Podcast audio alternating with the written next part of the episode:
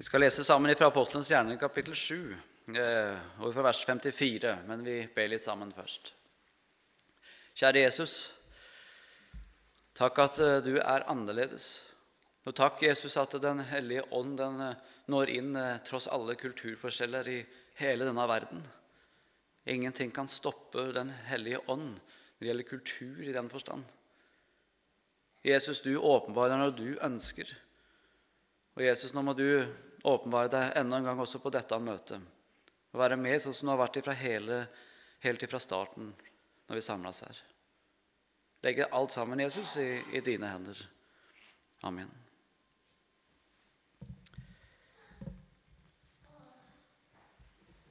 Den hellige ånds oppgave den er eh, først og fremst å, å herliggjøre Jesus og peke på Jesus. Den hellige ånd den skal peke inn på Han som har dødd for all verdens synd. Den hellige ånd skal peke inn på at det fins et evig liv. Eh, før vi leser litt sammen fra Bibelen, så tenkte jeg på Den hellige ånds virkning.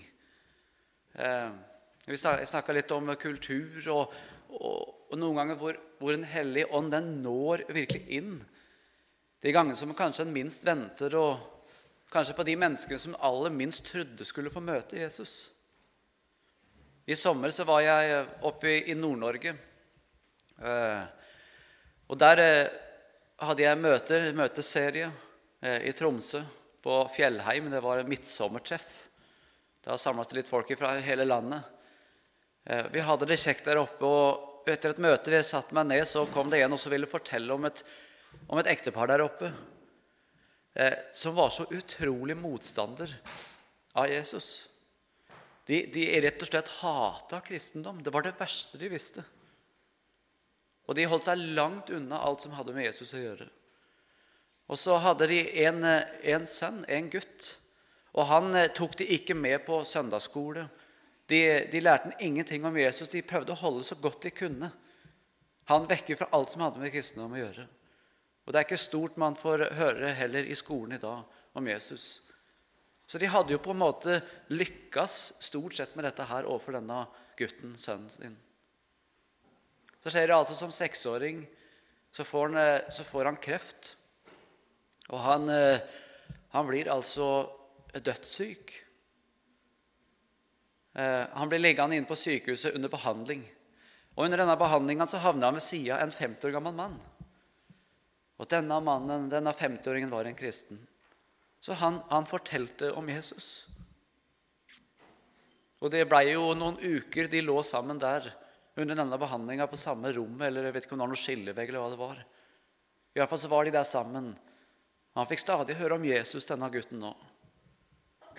Så skjer det helt på slutten at uh, han ligger for døden, og mor og far var kommet dit. Og så blir det sånn at uh, mor holder han i gutten i handa, og far holder han i handa.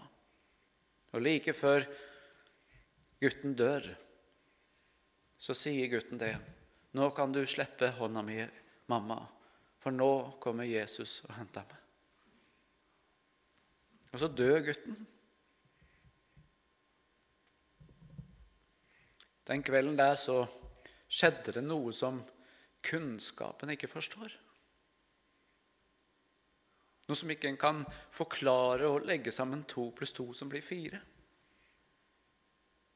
For den kvelden så ble også mor og far frelst. Det var Den hellige ånd som hadde pekt på Jesus gjennom én en eneste setning. Den hellige ånd hadde gjort sin oppgave. Den hadde pekt på Jesus. Og de som hata kristendom,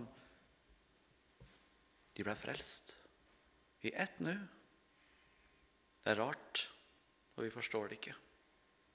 Og så gjør Den hellige ånd en forskjell også i dag. Også nå. Når du hører om Jesus, så skjer det noe med hjertet vårt. Den hellige ånd virker. Når du går og lytter til Guds ord, hører forkynnelse, sann forkynnelse, Da peker den på Jesus. Vi skal lese om, eh, om Stefanus i kapittel 7. Det står litt tidligere om Stefanus, han som altså ble drept fordi at han pekte på Jesus. Det står sånn, eh, ifra, I kapittel 6 så står det litt sånn beskrevet at det var sju menn der i menigheten skulle vi valgt ut for å passe på de fattige. Det trenger vi jo stort sett ikke i dag på den samme måten. I hvert fall ikke i Norge. Og så ser jeg altså at eh, Stefanus han hadde et så godt vitnesbyrd at han blir valgt ut. Det står det at han var en mann full av tro og Den hellige ånd. står det. En mann full av tro og Den hellige ånd. Og så blir Stefanus valgt ut som en av de som skal sørge ekte for de fattige og peke på Jesus. Og Når Stefanus får denne oppgaven, så var Stefanus en av de som levde nær Jesus. Så han pekte på Jesus. Det står det at Guds ord hadde stor framgang. Stefanus var full av nåde og kraft, og han gjorde under og store tegn blant folket. Og så skjer det som skjer noen ganger blant, blant oss mennesker. Noen de blir sjalu. Kanskje ikke så sjelden heller så kommer det fram. Så begynte de å avtale seg imellom, og det er ikke pent. De begynner å avtale at de skal ljuge på Stefanus. At de har hørt han talende spottende ord står mot Moses og mot folket. Og så gjør de en, sånn, slags konspirasjon der de skal ta Stefanus. Selv om han har gjort akkurat det han skulle. Han pekte på Jesus, den levende frelseren. Og så skjer altså det at han må forsvare seg innenfor råd Stefanus i hele kapittel 7. Og på slutten skal vi lese det som står der.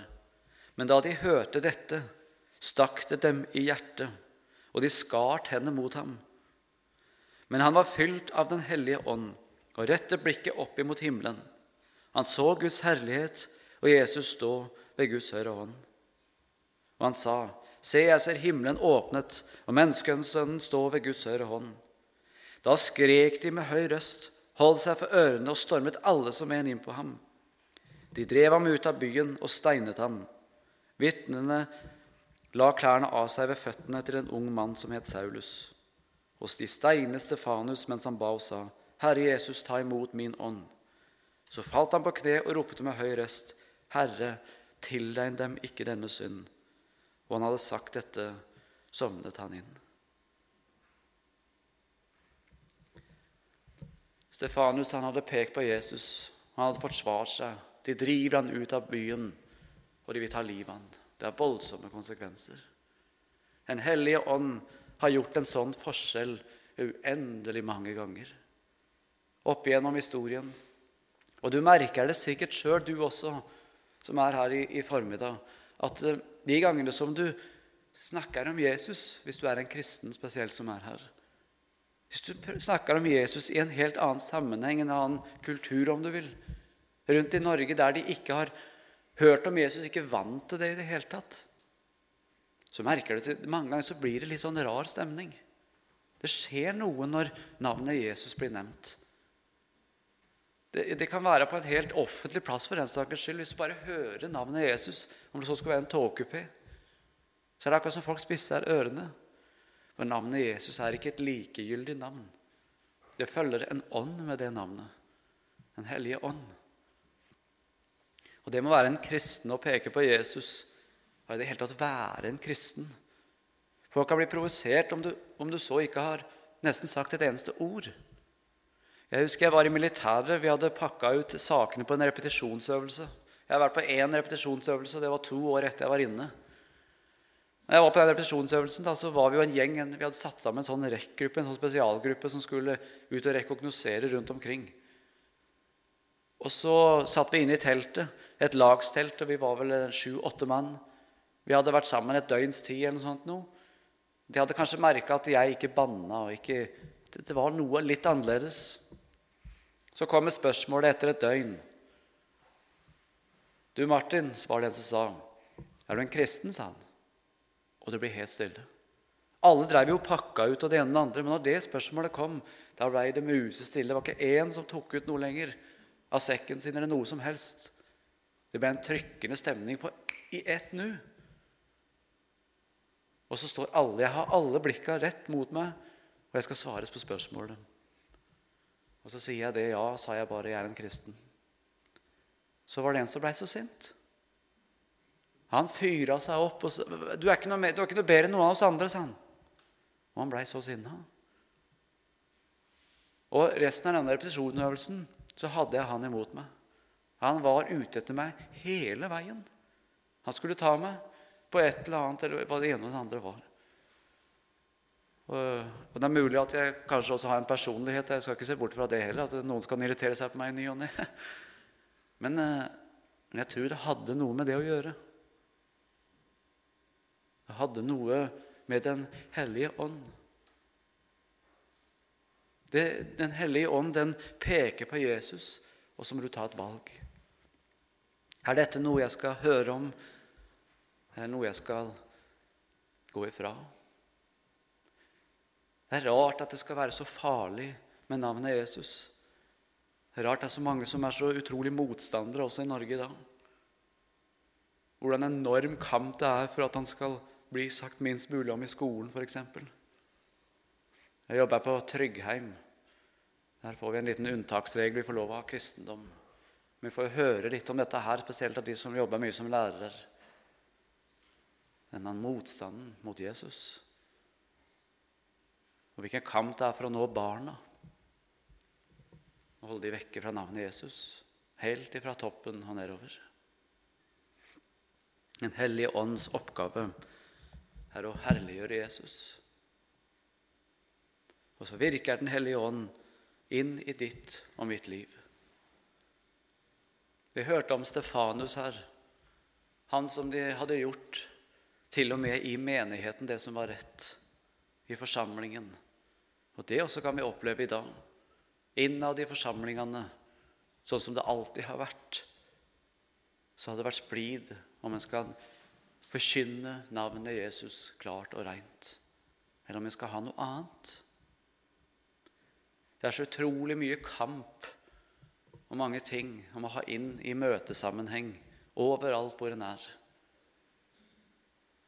Og så er det mange steder det blir mindre og mindre plass til Jesus, og mer og mer plass til alt annet. Og så må vi være våkne, venner, så ikke navnet Jesus kommer bort der vi går og hører Guds ord. Sånn at eh, vi kan være med og oppmuntre hverandre og formane hverandre i kjærlighet om at det er én som vi må holde høyest, også her på Sandnes. Navnet Jesus. Vi må ikke gå lei av å, å forkynne om korset og om Jesus. Det er noen som sier det. Jeg har hørt det så mange ganger, dette her om Jesus. Jeg har hørt så mange ganger om ja, om synd har jeg hørt, av det så mye. Jeg har hørt så, ja, synd og nåde. Og, nei, nå, nå må vi prøve å komme oss et lite steg videre. Vi må ikke glemme Jesus. Vi må holde oss varme. Så kan det gå så langt som vi hørte om her, at også de innad de, de vil ta de som vil holde navnet Jesus rent og klart. Og her går det så langt at de tar Stefanus og de vil drepe ham. Så forsvarer han seg, og der innen forsvarstalen i kapittel 7 så får vi høre om, om det at han sier rett ut det som er sant. Og så virker også Den hellige ånd der. Og hva er det som skjer? Jo, det står det at når de hører det, så står det da stakk det dem i hjertet. Og det var ikke det at de begynte å erkjenne at dette her var sant da. Det stakk dem i hjertet og så begynte de å skjære tenner mot han, og de fyrte seg opp. Det ble sinne.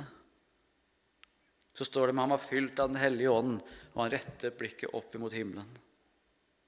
Han så Guds herlighet, og Jesus står ved Guds høyre hånd. Det er mange steder i Bibelen der det står at Jesus han sitter ved Gud Faders høyre hånd. Har du lest det? Mange steder står det der. Her står det at Jesus hadde reist seg. Han sto ved Gud Faders høyre hånd. Det var et av vitnene han som var i ferd med å bli drept. Og så hadde Jesus reist seg på tronen i himmelen. Og så ser han en som lider. Stefanus. Han blir steina.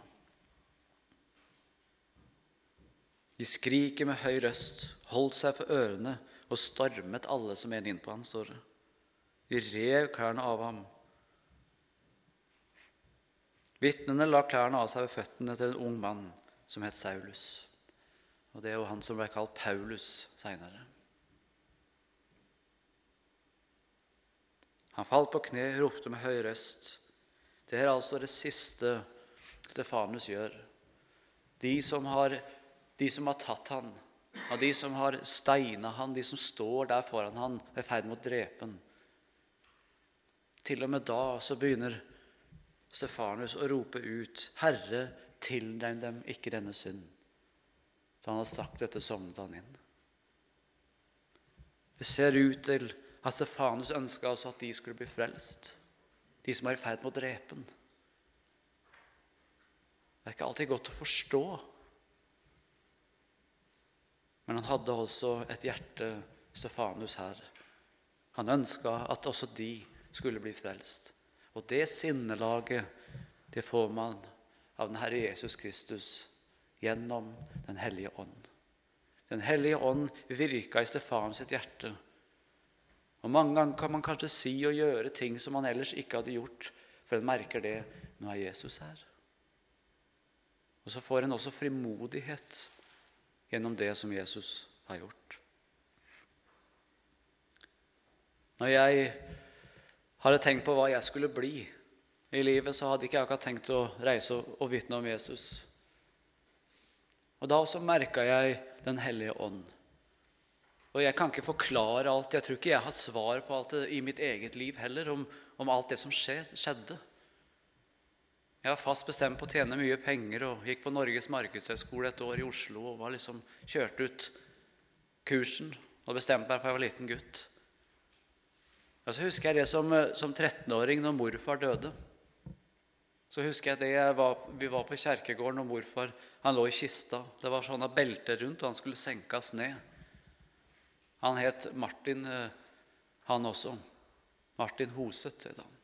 Reiste i Misjonssambandet. Da de senka morfar ned, så begynte jeg å tenke for første gang som 13-åring Er det jeg som skal føre dette her videre? Jeg tror ikke det ble særlig seriøst for meg, men det var én Martin som ble lagt i grav, og kanskje en annen Martin som skulle videreføre dette. Jeg hadde ikke noe lyst.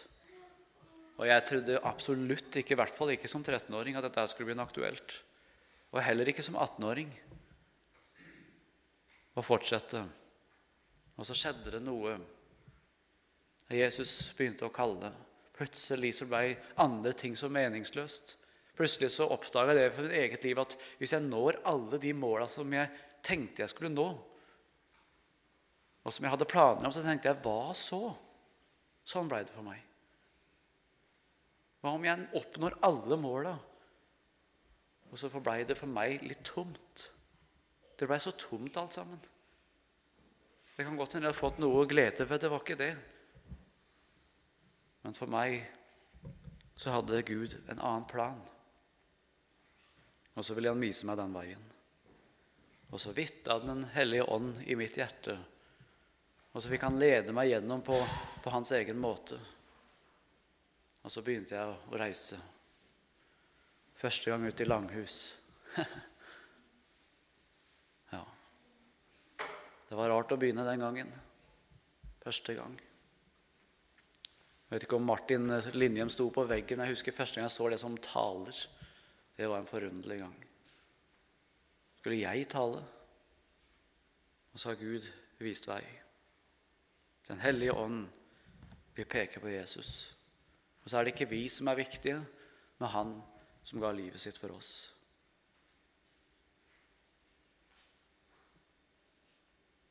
Så falt han på kne og ropte med høy røst, Herre, tilreg dem ikke denne synd.